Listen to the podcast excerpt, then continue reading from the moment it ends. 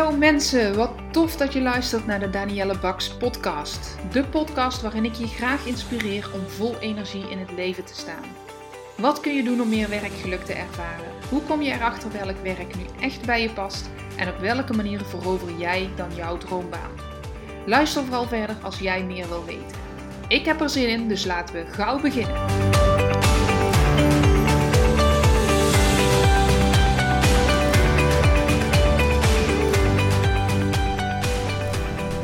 Een nieuwe podcast vandaag. En anders dan anders, ik heb deze keer een gast hier bij mij zitten. Sandra van der Burgt.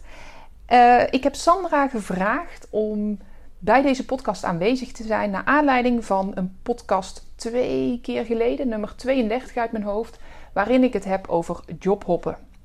En uh, ja, in die zin dat ik, daarin doe ik mijn verhaal dat ik me uh, heel veel herkenning vond na een gesprek met Sandra omdat ik, um, ja, hoewel ik maar twee werkgevers heb gehad, binnen die werkgevers wel iedere twee, tweeënhalf jaar een andersoortige functie kreeg. En op die momenten dacht ik altijd: oh, wat zullen mensen van me denken? En wat, uh, wat gek dat ik nu alweer de uitdaging. En Sandra zit al te lachen tegenover me.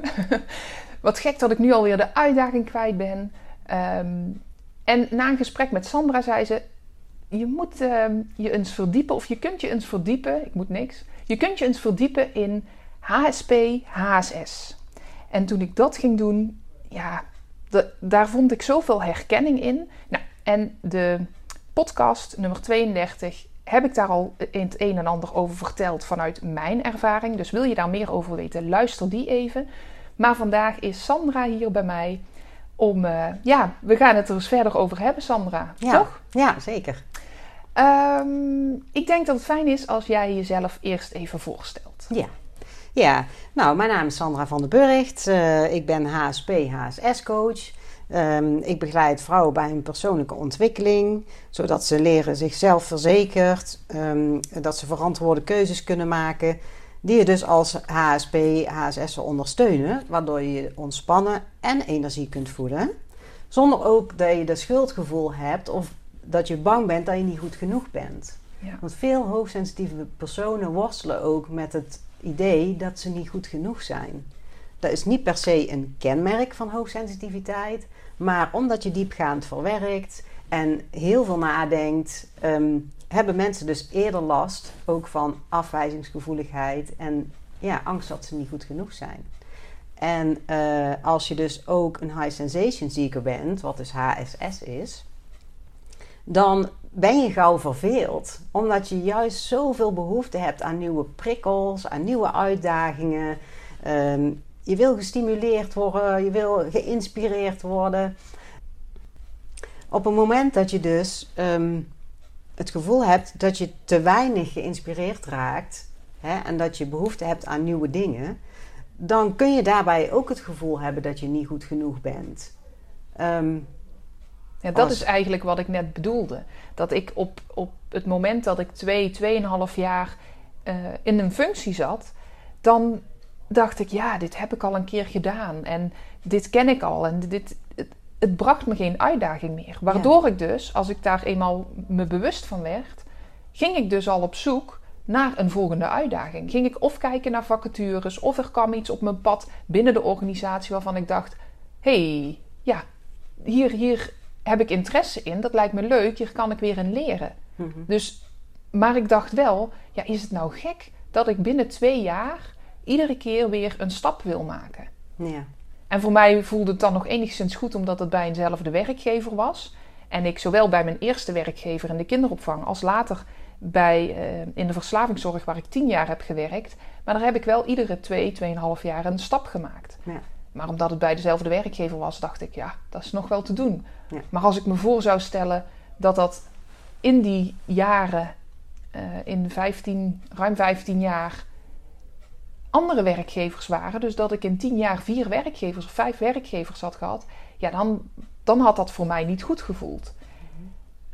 En toen ik las over um, als HSS'er dus high sensation seeker. En ik heb nog een beetje moeite met, uh, met de term, uh, moet ik eerlijk toegeven. Maar uh, toen ik dat las, dacht ik: Oh, er zijn meer mensen die dus die uitdaging willen behouden en dat leergierige hebben. En daarmee ben ik niet gek. Nee, nee. En eigenlijk is de high sensation seeker inderdaad een term waarvan je denkt... Jeetje, er zijn mensen die op zoek gaan naar, uh, naar sensatie. kicks en uh, inderdaad bungee jumpen of uh, nou ja, ja, of sensatie in, in ruzies. Zulke ja, sensatie. bijvoorbeeld. Maar de, eigenlijk is het daar helemaal niet. Nee. nee, want een high sensation seeker kan juist ook gewoon iemand zijn die geïnspireerd wil worden. En behoefte heeft aan vernieuwing. En het zijn vaak ook multipotentials. Hè? Die hebben allemaal verschillende talenten. En vinden heel veel verschillende dingen leuk. Ja, wat is dan de juiste weg om te kiezen? Ja. En het is eigenlijk gewoon heel mooi als je die kwaliteiten gewoon allemaal kunt inzetten. Ja. Hè? En dat kan natuurlijk niet allemaal tegelijk over het algemeen. Dus het is heel logisch dat je de eerste keer een aantal jaren dit doet. En nou, op het moment dat je dan denkt van ik haal hier geen voldoening meer uit en ik kom eigenlijk moe thuis. Waarom is dat in godsnaam? Want hè, nou, dat is eigenlijk gewoon omdat je dus ja, je gaat vervelen. Daar komt het gewoon op neer. Hè? Uh, als high sensation zieker heb je nou eenmaal die stimulans nodig. En hoe mooi is het dan als je twee jaar bij wijze van spreken ergens aan hebt gewerkt en je, die kwaliteit heb je zelf helemaal eigen gemaakt, om dan weer een stapje verder te gaan. En je, ja, je groeit eigenlijk iedere keer uit je jasje. Zo moet je het eigenlijk zien. En uh, het is dan gewoon ontzettend mooi om bij jezelf te ontdekken... wat kun je eigenlijk allemaal nog meer. Dus je groeit er ook van als mens. En ja, die uitdaging heb je gewoon nodig. En ik denk ook, op het moment dat je dat doet en je geeft daaraan toe... dan groeit ook je zelfvertrouwen. Want je, je kunnen groeit. nou, dat, dat het, mijn zelfvertrouwen is al gegroeid op het moment dat ik er dus achter kwam dat dit uh, hokje, om het zo maar te zeggen, hè, waar ik dan in pas, HSS. Ik ben niet zo van de labels en van de hokjes, maar dit voelde wel als: hé, hey, dit is een, een erkenning voor hoe ik me voel. En um, het is niet gek. En daar, alleen al daarmee is mijn zelfvertrouwen gegroeid. En kan ik ook uitleggen naar andere mensen als ze zeggen: Goh, ga je nou weer een opleiding doen? En wat heeft dat te maken met je werk? Want dat wordt wel eens gezegd. Of uh, hoe kun je dat gebruiken? Dan kan ik zeggen: Nou, ik vind het gewoon leuk om me op deze manier uit te dagen. Ik hou daarvan. Ik hou ervan om te leren. Ik ben altijd, als mensen boeken aan het lezen zijn en ze lezen de Zeven Zussen, ja, ik heb een boek uh, werkgerelateerd, of in ieder geval waar ik iets van kan leren. Ook op tv, in. in zoveel facetten van mijn leven vind ik het leuk om, om te leren en die uitdaging te blijven zoeken. En omdat ik nu weet dat ik zo in elkaar zit en dat dat gewoon bij mij hoort, is mijn zelfvertrouwen al gegroeid en durf ik daar ook voor uit te komen. Ja. Waar ik, ik weet nog goed dat ik jaren geleden een gitaar bestelde, omdat ik dacht, nou, ik ga mezelf gitaar leren spelen. Is niet gelukt overigens, maar dat kwam meer omdat ik uh, niet meer de flexibele vingers had. Maar ja, de mensen in mijn omgeving hadden echt zoiets van: hè, waarom? Dan moet je toch op gitaarles en je moet toch dit. En, en ik dacht, ja, ik ben echt heel raar dat ik me dat met zelf wil aanleren met YouTube. Maar zo is, ja, dat is voor mij echt eh, heel fijn om te leren. Daar staat heel veel op en alles wat ik wil weten, dat zoek ik op en dan ben ik weer wat slimmer. Ja, ja. Dus alleen dat al heeft mijn zelfvertrouwen vergroot. Nou, en ook wat jij zegt, het gevoel van dat je dan raar bent of dat andere mensen jou raar vinden om de keuzes die jij maakt. Ja. Ja, dat is natuurlijk heel erg zonde als je dat zo moet voelen.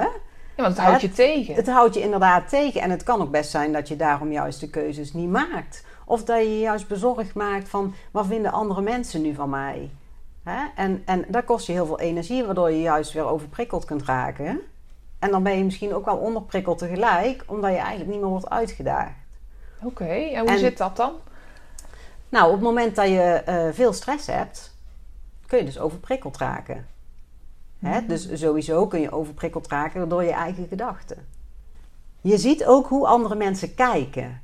En de manier waarop andere mensen dingen zeggen. Waardoor je eigenlijk al gaat invullen wat die ander van jou vindt. Dus je zegt eigenlijk als dat heeft dan meer met HSP te maken. Doordat je hooggevoelig bent, heb je meer ben je meer alert of meer bewust van hoe iemand iets tegen jou zegt. En daar, dat ga je analyseren. Ja. Herken ik het dan je Bent, je bent je ontzettend bewust van de non-verbale communicatie van mensen. Dus, en dan ga je gelijk al interpreteren. Hmm. Hè, want je gaat allerlei linkjes leggen in je hoofd. Dus je ziet enerzijds hoe mensen dus uh, non-verbaal uh, zich uiten. je hoort op wat voor manier mensen dingen zeggen. Ehm, en dat koppel je zeg maar aan alle ervaringen en dingen die je al eerder hebt gehoord. Precies, precies. Ja. Dus op die manier en eh, ga je dus al helemaal in je hoofd denken wat die ander denkt. Dat is ook een, echt een, nou ja, een kenmerk van hoogsensitieve personen.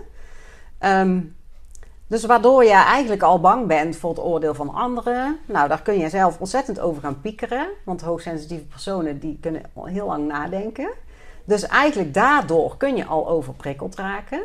Terwijl je anderzijds ook onderprikkeld bent, omdat je juist zo graag iets nieuws wil doen. Ja. En dan kun je dus onderprikkeld en overprikkeld tegelijk zijn. Ingewikkeld. nou, dat lijkt heel ingewikkeld en zo klinkt het ook. Ehm, maar daar kun je echt wel mee aan de slag. Want het is gewoon heel erg belangrijk sowieso om bij jezelf na te gaan. Waardoor raak ik onderprikkeld en waardoor raak ik overprikkeld? Als je daar al bewust van bent, dan kun je daar al eerder op inspelen en dingen voorkomen. En bij jezelf eens nagaan van hoe zit het eigenlijk op mijn werk? Waar sta ik nu? doe ik dit al een tijdje? Waarom doe ik dit? Doe ik dit omdat het wel veilig is en omdat ik wel een bepaalde financiële zekerheid heb en ik dan gewoon thuis lekker voor mijn kindjes kan zorgen? maar word je niet meer uitgedaagd, denk je eigenlijk van, oh, ja, ik doe dit wel, maar ja, waarom eigenlijk? Mhm. of heeft je, juist, je werk juist heel veel betekenis waar je heel veel energie uit haalt? en als dat niet meer zo is, ja, dan is het goed om te gaan kijken van naar, ja, wat, wat, wat brengt mij dan wel energie en wat vind ik belangrijk in mijn werk? Aan welke knoppen kun je draaien? precies, aan welke knoppen kun je draaien? Ja. En ook in je overprikkeling, uh, van met wat voor soort mensen werk je? Zijn er mensen die je leegzuigen of zijn er mensen waar je energie van krijgt? Zijn het mensen waar je tegenop kijkt, waarvoor je het gevoel hebt dat je ontzettend hard moet werken om gewaardeerd te worden? Dus in die zin is het ook belangrijk om te kijken van naar, met wat voor soort mensen werk ik. Wat ik heel vaak uh, bij klanten tegenkom, om die, die koppeling even te maken, is uh, een, een groot deel van mijn klanten, als we het dan hebben over talenten, waar ik natuurlijk altijd mee begin, komt er al snel naar voren dat ze vinden dat ze veel verantwoordelijkheid nemen.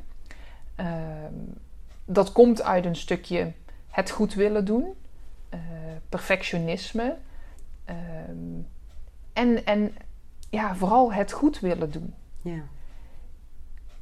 Nu ik ben gaan lezen en met jou heb gepraat over wat HSP is, wat HSP H6 is, herken ik dat bij mezelf. Maar herken ik ook heel veel, denk ik te herkennen, bij die groep die zegt van ja, ik neem veel verantwoordelijkheid, ik vind het belangrijk. Soms zit dat ook tegen een burn-out aan of zijn ze hersteld van een burn-out of hebben ze in het verleden een burn-out gehad.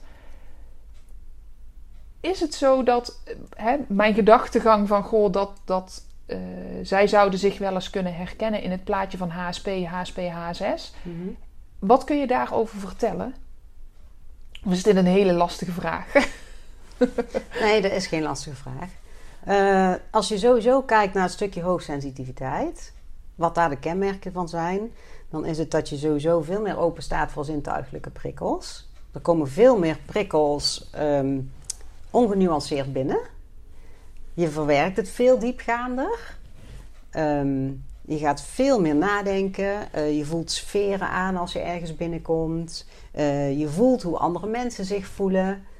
Um, het is eigenlijk heel logisch dat, je, dat, dat hoogsensitieve personen in gaan vullen voor een ander, omdat ze juist die spiegelneuronen hebben. dus zij zien heel goed wat er met bij andere mensen gebeurt. Uh, ze gaan dat diepgaand verwerken. je hebt oog voor details. Sowieso, je ziet het grotere geheel, je ziet eerdere gevaren. Dus je kunt je voorstellen dat er als hoogsensitief persoon sowieso ontzettend veel op je afkomt. Uh, als je dan kijkt naar de high sensation seeker, hè, waar we net ook al over hebben gehad, is dan toch iemand die juist behoefte heeft aan prikkels als alleen maar rust. Kijk, als je alleen een hoogsensitief persoon bent, dan heb je eerder meer behoefte aan echt rust en ontspanning en alleen zijn, zodat je echt tot jezelf kunt komen. Maar een high sensation seeker, die kan bijvoorbeeld ook ontzettend opladen van sociale contacten. En juist met andere mensen zijn en nieuwe dingen gaan doen. Hè, en die verandering en die vernieuwing. En ik denk dat er nog één heel belangrijk stuk is wat we ook niet moeten vergeten. En dat is de rejection sensitivity. Hmm. Ehm, dat is een stukje afwijzingsgevoeligheid. En dat is geen kenmerk van een hoogsensitief persoon, maar veel hoogsensitieve personen hebben daar wel last van. En dat is eigenlijk een stukje angst voor afwijzing, wat zich uit in perfectionisme, aanpassingsgedrag, conflicten vermijden, ja. over je grenzen gaan om maar gewaardeerd en gezien te worden. Ja. En bij alles wat je doet, denk je dan, ah, zien ze mij inderdaad wel? Hè? En, ja, en dat is natuurlijk ook een heel lastig stuk waar je in je werk best wel flink tegenaan kunt lopen. Ja, als ik, als ik denk aan verhalen van klanten ehm, die dus bijvoorbeeld stress hebben ervaren in, langere tijd, of die in een burn-out zijn gekomen of daar tegenaan zitten, ehm, herken ik dit wel. Dat ze zeggen van ja, maar ja, of ze houden juist hun mond en, en in, op belangrijke momenten, hè, tijdens vergaderingen, of dat ze denken, nou ik zeg maar niks, want het is misschien niet goed vanuit onzekerheid. Ehm, en worden daardoor dus verveeld wellicht, want ze mhm. zeggen het niet, dus ze zijn niet zichtbaar. Ze, ze pakken niet, trekken niet naar zich toe wat dat ze eigenlijk graag zouden willen doen, omdat ze bang zijn dat het niet goed is, dat het niet goed genoeg is. Ja. Of ze gaan juist heel erg hun best doen, ehm, zijn altijd beschikbaar, trekken alles naar zich toe, willen alles tot in de puntjes verzorgen, nog beter dan, dan het goed doen. Uh, en lopen daardoor enorm over hun grenzen heen en over zichzelf heen en cijferen zichzelf weg om maar ervoor te zorgen dat ze het zo goed doen. Ja. Dus dan heb je het vooral over die uh, ja, afwijzingsgevoeligheid. Afwijzingsgevoeligheid, ja. ja. Ja, en dat is echt een heel belangrijk stuk waar we zeker niet moeten vergeten. Daar lopen gewoon ontzettend veel mensen tegenaan. En als je daar hebt, is het gewoon belangrijk om te gaan kijken naar uh, waar is ze ergens ontstaan. Want dat komt altijd voort uit een trauma. En dat kan een klein trauma zijn, maar ook natuurlijk een groter trauma. En op die manier kun je daar wel mee aan de slag. En natuurlijk ook, als je gaat werken aan je zelfvertrouwen en je persoonlijke ontwikkeling, dan ga je ook leren hoe dat je dingen anders kunt benaderen. Ja. Ja. Ja, ik kan, ik kan ook wel een voorbeeld daarvan noemen. Uh, want ik heb daar zelf ook ontzettend erg tegen aangelopen. Um, in mijn baan als office manager. Oh, ik, ik, ik ging maar door en ik ging maar over mijn grenzen en ik deed alles maar en ik zei overal ja op. En ik, ik vond het gewoon heel lastig om nee te zeggen en dat deed ik ook eigenlijk nooit. En ik had een enorm verantwoordelijkheidsgevoel. Ik wilde absoluut niet dat er dingen fout gingen, want ja, alles moest inderdaad perfect. Want ja, anders zouden mensen wel eens kunnen denken dat het allemaal niet oké was en sowieso mij niet oké vinden. Maar um, ik vond het ook gewoon belangrijk dat als mensen bij ons kwamen als klant, dat alles gewoon tot in de puntjes geregeld was. En daar deed ik dan ook alles voor. En dat betekende ook dat ik heel vaak gewoon in het weekend ging zitten werken. Gewoon omdat, omdat ik wilde dat alles perfect af was. Hè? En als er dan nog een stapel werk kwam op het einde van de dag, dan zei ik niet van, oh, dat kan ik eigenlijk niet meer. Nee, dan zei ik, oh, kom maar, dat doe ik ook nog wel. Um, Waardoor ik s'avonds gewoon compleet uitgeput thuis kwam. En ik voelde me ook helemaal niet oké over mezelf. Want ik had zo die waardering nodig. Ik wilde gewoon horen: wauw, dit heb je fijn gedaan, dit heb je goed gedaan. Maar ja, niet iedere leidinggevende zit zo in elkaar. Maar ik wilde dat wel horen, want dan was het voor mij goed. Ja, en op een gegeven moment uh, ja, ging bij mij ook de, de stekker eruit, zeg maar. Ja. ja, en toen kwam ik ook thuis te zitten. En um, daarna, toen ik een andere baan kreeg, ehm, was er in het begin ook nog wel. Maar ik mocht daar allerlei opleidingen volgen over persoonlijke ontwikkeling. Nou, en daar heb ik zoveel geleerd. En toen ging er een wereld voor me open. Toen heb ik ook geleerd hoe, hoe je dus grenzen aan kunt geven. Enerzijds om je grenzen te voelen, want daar had ik echt geen flauw idee van. Ik ging gewoon maar door. Dus dat stukje lichaamsbewustzijn. Stilstaan mm bij jezelf. Van uh, waar loop ik op leeg en waar krijg ik energie van? Ehm, en wanneer is het genoeg? En, en ook mezelf uit durven spreken over hoe ik dingen zag. Dat durfde ik eigenlijk nooit. Terwijl ik echt wel een hele duidelijke visie had. Ook hoe ga je met mensen om? Dat vind ik altijd gewoon heel erg belangrijk. Dat de manier waarop je met mensen omgaat, dat dat zuiver is. Ehm, en vanaf dat moment ben ik mezelf uit durven gaan spreken. Nou, en ik kende mezelf niet meer terug. Hm. Ja. Dus, dus er zijn echt wel eh, hele mooie veranderingen in mogelijk. Maar het gaat echt om bewustwording. Ja. Ja. Nou ja, dat merk ik al in de loopbaantrajecten. Hè, wat ik net al zeg, ik begin altijd met de talenten. En door die heel helder naar boven te krijgen. Ja, en soms raakt dat, raakt dat ook het stuk eh, onzekerheid en het stuk goed willen doen en perfect willen doen. En dat is een, een talent.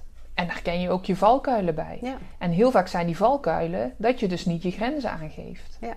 Dus het, het hebben over hoe geef je dan je grenzen aan en waarom ben je oké op de manier zoals je bent en met de, de visie die je hebt of het gevoel wat je hebt. En dat mag je aangeven. Ja. Ehm, en dan zijn wij, hè, ben ik niet eens gericht op het stukje HSP, HSP, H6. Maar dan zie je dat mensen enorm groeien in hun zelfvertrouwen, omdat ze beter weten hoe ze in elkaar zitten. En dat Ja. hoor ik jou eigenlijk ook beschrijven. Ja. Als je tegen dingen aanloopt, ga onderzoeken waarom je daar tegen aanloopt. Want het is oké dat je daar dat je dingen voelt en dat je lichaam iets aangeeft, of dat je merkt dat je verveeld bent, of dat je merkt dat je geen energie meer hebt. Dat zijn allemaal seintjes van jouw lichaam en dat is oké, want zo ben je, zo zit je in elkaar. Alleen hebben we geleerd om maar door te gaan, of haal je je, je hoe moet ik het zeggen, je, ehm, uit het gevoel dat mensen zeggen van oh, dit heb je goed gedaan of wat fijn, doe je daar zoveel voor en offer je daar dus jezelf deels voor op. Ja. Heb je dan ook geleerd dat je die, ehm, die lovende woorden niet nodig hebt om je goed te voelen? Ja, absoluut. Ja. ja, want nou ja, eigenlijk je kunt heel lang blijven zoeken naar waardering. En daar hopen te ontvangen. En daar kun je ontzettend hard voor werken. Maar hoe mooi is het dat je jezelf eigenlijk kunt geven? Ja. En dat kun je geven op het moment ook dat je met jezelf aan de slag gaat. En dat je inderdaad je eigen kwaliteiten leert kennen. Je eigen kernwaarden. Van wat vind jij belangrijk? En hoe handel je daarnaar?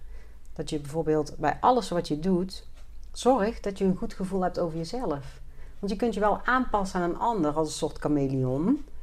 Hè, om maar leuk gevonden te worden. Maar wie zegt dat jij dan aan jouw eigen waarde voldoet? Mhm. En dat vind ik echt zo enorm belangrijk. Hè? En ook hoe meer dat je jezelf leert kennen, hoe meer dat je ook kunt uitleggen aan andere mensen zonder verantwoording af te leggen, ehm, wat er bij jou speelt. Bijvoorbeeld, een hoogsensitief persoon kan tijdens een vergadering allerlei dingen horen, daar helemaal moeten verwerken en dan pas tot een goed antwoord komen. Dus mensen kunnen misschien denken van, oh, was die stil? Of dat denk jij. De andere mensen denken, oh, is die toch stil? Zou die niet eens even iets moeten zeggen? Ehm, terwijl jij gewoon even die tijd nodig hebt om tot een gedegen antwoord te komen... waar jij gewoon heel bewust over na hebt gedacht. Ja. Met de gevaren, met de kansen, met de mogelijkheden. Alles overwegen, want je ziet gewoon het grote geheel. En dat is ook wat, wat ik in, in mijn eh, kennismaking met de termen en de inhoud van HSP, HSS heel erg heb gevoeld, is zo zit ik dus in elkaar. Ja. Ik heb al snel een mening ergens over, maar dan heb ik er al over na kunnen denken. Maar als iets Ja. nieuw is voor mij, dan ben ik vooral als een spons alles aan het opnemen. En Ja. werkelijk alles. En dan stel ik misschien wel af en toe vragen om het nog helderder te krijgen. Maar dan kan ik eigenlijk pas op de weg terug naar huis, in de auto of eh, in, de, in de avond daarna, kan ik eigenlijk eh, pas echt mijn mening geven. Of als ik ook anderen gehoord heb. Ja. En mensen hebben wel eens ooit tegen mij gezegd: Goh, wat ben je stil? Nou, ik ben van mezelf eigenlijk nooit heel erg stil, maar in nieuwe situaties ben ik inderdaad stil. En dan dacht ik: ja, wat is dat toch? Ben ik nou verlegen? Nee, ik voel me niet verlegen. En toen ik dit hoorde, dacht ik: ja, maar dat is het. Dus ik voel nu ook wat voor mij het teweeg heeft gebracht, is dat ik mezelf een stukje beter heb leren kennen op dat gebied. En ik me nu ook ehm, oké voel om uit te spreken: Goh, dit overvalt me, of dit is nieuw, eh, hier moet ik even over nadenken, of ik moet het even laten zakken. Vorige week nog had ik een opleidingsdag en dan werd er op het einde gevraagd: Goh, zeg eens één woord wat je ervan vond. En dan krijg ik het Spaans benauwd, want dan denk ik: ja, maar dat weet ik nu nog niet.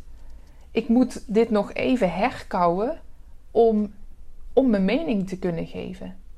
Dat is niet in alle situaties hoor, want ik ben ook wel een snelle denker. Maar in nieuwe situaties herken ik dit heel erg. Dat ik gewoon heel even tijd voor mezelf moet hebben om ja, mijn mening te vormen. Of om te kijken, oké, wat, wat heb ik nou gezien of wat heb ik nou meegemaakt. Ja. En die rust bouw je dan voor jezelf ook in als je op zo'n moment ook gewoon kunt uitspreken van luister, ja, ik, ik heb daar nu geen antwoord over, want ik merk dat ik daar even over na moet denken. Ja. En ja, dan heb je voor jezelf gelijk die rust ingebouwd en dan begrijpen andere mensen dat ook. Andere mensen kijken juist heel erg met respect daarnaar, ja. omdat je je grenzen aangeeft. En dat is ook het, het gekke van heel dit verhaal. Wij denken we moeten vooral uh, doen wat de ander prettig vindt en ons daarin aanpassen. En de ander, ga maar eens bij jezelf na. Ik heb juist altijd heel veel respect voor mensen um, die zeggen, die hun grenzen aangeven. Die zeggen, oh, dat wil ik prima doen, maar op dit en deze manier of op die tij dit tijdstip of maakt niet uit. Ik heb juist heel veel respect voor mensen die hun grenzen aangeven. Ja. Maar zelf denken we altijd dat we als een chameleon ja. mee moeten bewegen. En ja, dat inzicht heb ik al jaren geleden gekregen. En ja. Nou ja, dat is weer een. Uh, daar kunnen we nog een andere podcast over opnemen. Ja. um, als we teruggaan naar dat jobhoppen en uh, snel verveeld raken. Want ik merk al dat we allerlei uh, kanten uit kunnen. Dat is natuurlijk ook een, een, een, groot onderwerp waar je van alles over kunt zeggen. Mm -hmm. Maar over het stukje jobhoppen. En um, uh, ja, je zegt dus eigenlijk als HSP, H6er ben je sneller je, je uitdaging kwijt. Ja.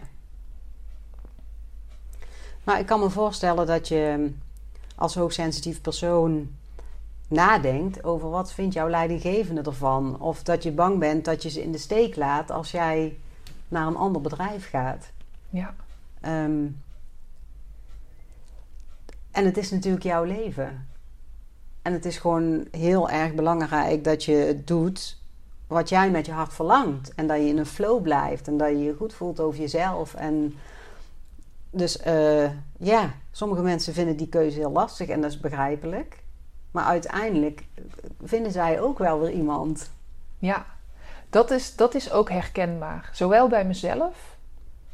Want ik dacht ook, ja, ik kan mijn team nou toch niet achterlaten. En we zijn net uh, op meerdere momenten komt nu naar boven. Ook toen ik bijvoorbeeld zwanger was van de derde. En wij in een project zaten en eigenlijk met een paar mensen dat project draaiden. Dacht ik, ja, als ik er nu een aantal maanden uitga, dat kan ik toch niet maken? Ja, dat had niet eens met verveling te maken of wat dan ook. Um, dus vanuit dat stukje, ik denk dat dat ligt aan het stukje verantwoordelijkheid voelen richting, ja. uh, richting je team en richting, uh, maar ook de verantwoordelijkheid op het gebied van uh, financiën. Hè? Ik heb een aantal klanten die zouden heel graag voor zichzelf willen beginnen en doen dat nog niet, omdat ze denken: ja, kan ik dat wel? En dus dat onzekerheid, die onzekerheid bij zichzelf voelen, maar ook de financiële onzekerheid, uh, weten wat ze hebben. Het, het, is bijna een paradox. Aan de ene kant wil je bepaalde dingen en aan de andere kant voel je je nog niet zeker genoeg om daar ook echt voor te gaan. Ja. Ook richting de thuissituatie. Ja, kan ik het nu maken om van baan te switchen, want de kinderen zijn nog zo klein? Ja, wat mijn ervaring is, juist omdat jij meer energie haalt uit je werk, omdat jij een stap hebt gemaakt, zo heb ik het tenminste altijd ervaren, ben je een leukere moeder thuis, omdat je niet verveeld thuis komt en daardoor energie, een energielek hebt. Ja, absoluut. Ja. Even voor de luisteraars van deze podcast, om het verschil te weten tussen wanneer zou je je dus moeten, her, of, uh, moeten verdiepen in de kenmerken van HSP of HSP-H6. Of wanneer is het gewoon, ja, ik herken me hier wel in, ik voel me wel verantwoordelijk en ik, uh, um, ik, ik ben wel snel de uitdaging in werk kwijt. Maar dat, dat, dat hoeft niet per se te betekenen dat ik HSP'er ben of HSP-H6'er. Waar, waar, wanneer um, kun je daar iets over zeggen? Wanneer zou je zeggen, verdiep je er toch eens in? En wanneer niet? Want ik heb heel lang gedacht, als ik de term hoogsensitief persoon of hoogsensitief eh, hoorde, dan dacht ik nee, dat, is, dat, is, dat ben ik niet. Totdat ik, ja, ik weet eigenlijk niet. Ik kwam met jou in aanraking en ik heb jouw eh, e-book gelezen daardoor, of een, een ja, jouw e-book gelezen. En toen dacht ik pas, oh wacht, dat HSS'er stuk, dat vind ik toch wel interessant. Hier kan ik Mhm. toch wel wat dingen in herkennen. Ja. Nou, op het moment dat jij veel aanvoelt van andere mensen. ehm, en dat je soms misschien het idee hebt van... is dit nou van mij of is dit nou van een ander? Dat je op een gegeven moment ineens een bepaalde emotie voelt. Dat je denkt van waar komt dat nou toch vandaan? Hè? eh, als je inderdaad diepgaand verwerkt. ehm, Misschien herken je het ook wel als je bijvoorbeeld in de stad loopt. Dat je zoveel prikkels binnenkrijgt dat je daar gewoon heel erg vermoeid van raakt. Of in een metro bijvoorbeeld. Of ehm, ja, sowieso in drukke omgevingen. Dan, dan zou het dus kunnen zijn dat je hoogsensitief bent. En kan het ook zijn dat je dat op latere leeftijd daar anders mee omgaat dan vroeger? Want wat je nu zegt, ehm, drukke omgevingen, eh, eh, gevoelens of dingen van anderen aanvoelen, ik was me daar nooit van bewust en ik zou ook niet direct zeggen, ja, dat herken ik. Maar nu dat ik er meer over lees, denk ik, nou, volgens mij herken ik dat wel. Want als ik op een feest sta, en ik ben vroeger heel veel uitgegaan, had ik daar geen last van. Maar als ik nu op een feest ben, wat inmiddels langer geleden is, hè, want we zitten nu met de coronamaatregelen. Maar twee jaar geleden hadden we een feest en dan kan ik soms heel moeilijk gesprekken volgen, omdat alle, alle gesprekken eigenlijk bij me binnenkomen. Of tijdens een drukke vergadering. Of, ehm, dus dat ik dat nu meer herken dan bijvoorbeeld vroeger vond ik uitgaan geweldig en kon het me niet druk genoeg zijn. En als je het hebt over emoties van iemand voelen, dat herken ik dan niet zozeer, maar wel als ik met iemand in gesprek ben, dat ik denk: hé, hey, ik merk wat dit nu met je doet. Mhm. Ik, ik voel het niet als van mezelf, maar ik, ik observeer het heel snel. Ja. Ja. Maar wat mijn vraag dus was, kan het ook Ja. zijn dat je gaandeweg dat je ouder wordt, dat je dat anders beleeft? Maar sowieso kan gebeuren bij hoogsensitieve personen... is dat ze zoveel voelen dat ze op een gegeven moment echt in het hoofd gaan leven. En het lichaam vergeten. Of in die zin veel minder gaan voelen. Omdat, het, omdat ze continu dus in haar hoofd zijn. En op het moment dat jij meer bewust wordt... en je gaat meer geaard zijn, meer gegrond... en je gaat je lichaam meer voelen... ja, dan kan het wel zijn dat je dus inderdaad meer opmerkt daarin. Je bent je er meer bewust van. Het kan natuurlijk ook zo zijn. Ik had er vroeger ook, als ik op stap ging, dan dat, dat vond ik ook allemaal geweldig. Maar als ik dan thuis was, ja, dan was ik gewoon helemaal kapot. En dan kon ik ooit daarna een halve dag nog in bed blijven liggen om daar gewoon van bij te komen. En toen dacht ik gewoon, dat is normaal. Maar naarmate dat ik meer begreep dat ik te maken had met hoogsensitiviteit, kon ik dat wel plaatsen. En ik merk dat nu ook, als ik nu nog, ja, nu dan met de coronatijd niet, maar eh, als ik nu een avond ergens naartoe ga, Ehm, ja, dan heb ik het bijvoorbeeld om 12 uur of zo echt gehad. Dan heb ik voldoende prikkels gehad. Dan kan ik niet meer meer. En dan wil ik gewoon naar huis, want dan ben ik moe. Terwijl mijn vriendinnen misschien nog wel een paar uur door zouden kunnen gaan, bij wijze van spreken. Ja. Ik kan dat nu ook minder goed dan vroeger. Maar goed, nu kan ik dat ook gewoon aangeven. Van ja, bij mij is nou het kaarsje uit. Dus eh, ja. ja. Dus je zegt eigenlijk, je kunt het anders ervaren op latere leeftijd. Ja. Als je geleerd hebt, en dat, kan, dat is niet leeftijdsafhankelijk, maar op het moment dat je geleerd hebt om je lichaam weer mee te laten doen in de signalen wat het geeft, dan, dan ben je daar meer op, ja, let je daar meer op, ben je daar Ja. meer bewust van en ga je daar meer naar handelen. Dus wordt het duidelijker wanneer dat je lichaam zegt, en nu is het genoeg. En dat is eigenlijk heel erg mooi. Want je kunt enerzijds denken, oh maar dat vind ik spannend, want dan ga ik ook meer voelen.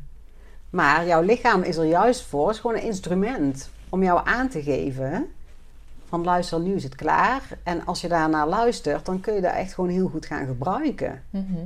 En dan ga jij ook al herkennen aan bepaalde tekens van... oh, nou, nou neig ik naar dat het me dadelijk te veel wordt. En dat is natuurlijk heel erg fijn. En anderzijds kun je het ook gebruiken als voelsprieten...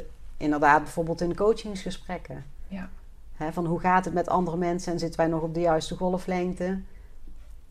Hè? En dingen die je dan opmerkt bij een ander, dat je dan kunt vragen: Nou, ik zie dat dit nu met je gebeurt, klopt dat? Of ja, dus, dus jouw lichaam is zo'n mooi kompas. Ja. En ook in contact met collega's. Ja.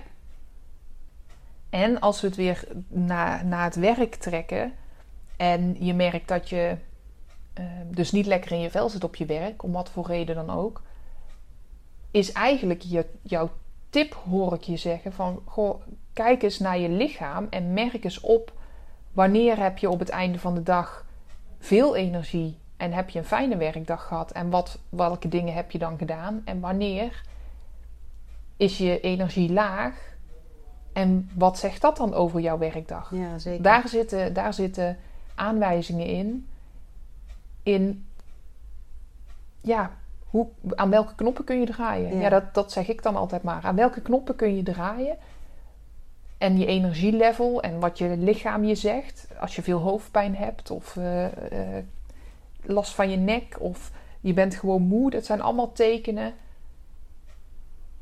dat je lichaam aangeeft, er is vandaag iets gebeurd wat, wat niet prettig is. Ja. En het mooie is ook om dat gedurende de dag in de gaten te houden. Dus dat je gewoon een aantal keer per dag even je voeten goed op de grond en even voelen bij jezelf: hoe gaat het nou eigenlijk met mij? En wat is er in de voorgaande uren gebeurd? En um, ja, heeft me dat iets gekost of heeft me dat iets gebracht? Um, dus ik, ja, het is wel een hele goeie om, om daar gewoon regelmatig op een dag eventjes bewust van te zijn. En al is al lastig omdat je in een omgeving zit waar meer mensen zijn, kun je ook eventjes in het, in het toilet gewoon even tot jezelf komen. of, achter, of als je achter de computer zit, gewoon, dan kun je naar je scherm kijken, maar gewoon even in je lichaam voelen. Ja. Bijvoorbeeld. Nou, wat ik merk dat ik de laatste jaren ook meer doe, is als ik denk: oké, nou gaan er dingen fout, of ik eh, ben moe, of dat ik gewoon denk, omdat ik me dus lopende de dag daar bewust van word, denk: oké, waar heb ik vandaag ruimte om heel even te gaan wandelen, bijvoorbeeld? Ja. Dat deed ik voorheen niet. Dan ging ik gewoon door, door, door. En dan merkte ik s'avonds pas dat ik moe was. En dat heb ik, die dagen zitten er nog steeds wel ooit tussen. Maar ik merk nu wel dat ik door de dag heen bedenk: oké, wat heb ik nu dan nodig om weer lekker in mijn vel te komen, Ja. komen zitten? En soms is dat een stuk wandelen en de rust opzoeken. En soms is dat ook bedenken: wat ga ik vanavond doen om even goed voor mezelf te zorgen? Of eh, waar heb ik zin in? Ja. Dus het hoeft niet altijd te zijn omdat mijn energie omlaag gaat. Maar alleen al door meer te gaan nadenken: hoe zit ik erbij vandaag en waar heb ik zin in en waar kijk ik naar uit en wat kan ik nu doen? Ah, ik maak een lekkere cappuccino voor mezelf. Dat is dan voor mij een oplaadmomentje. Of ik ga wandelen. Of... Dat is wel een mooie tip. ja.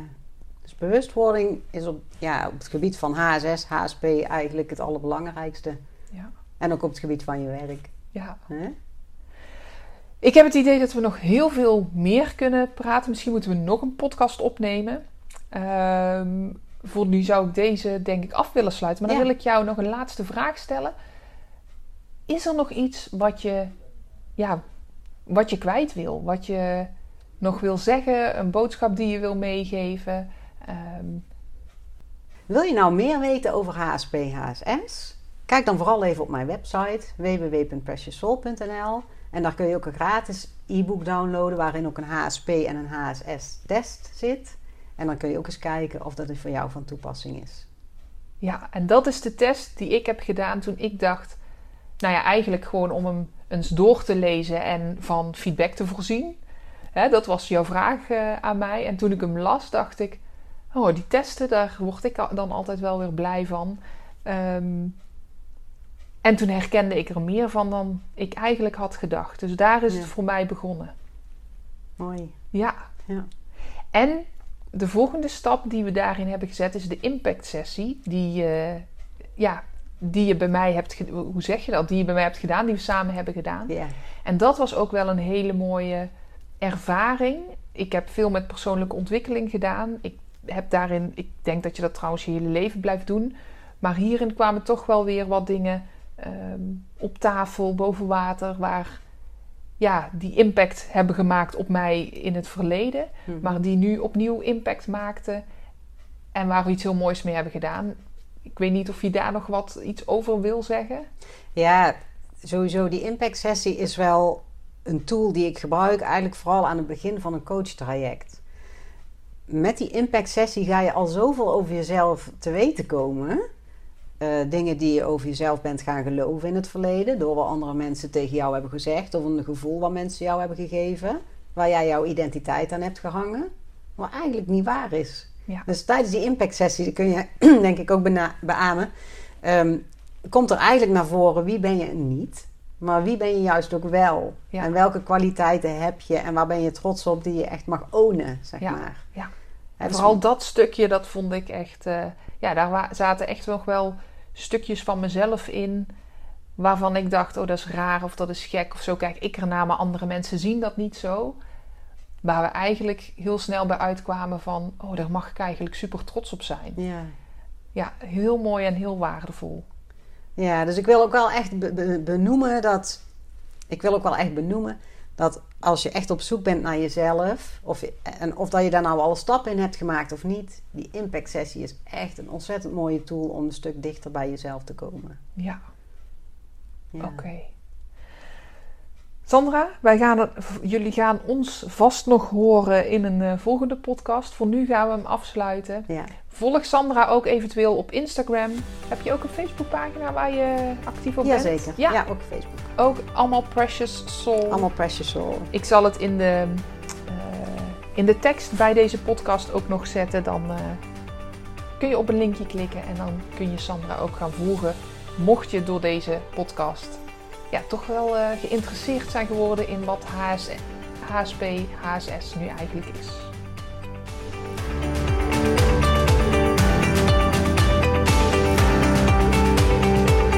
Mensen, dankjewel voor het luisteren naar mijn podcast. Mocht je deze aflevering interessant hebben gevonden, maak dan even een screenshot en tag me op Instagram Stories. Ik vind het ontzettend leuk om te zien wie er luistert en door te delen inspireer jij ook anderen. Hartstikke bedankt alvast en tot de volgende keer.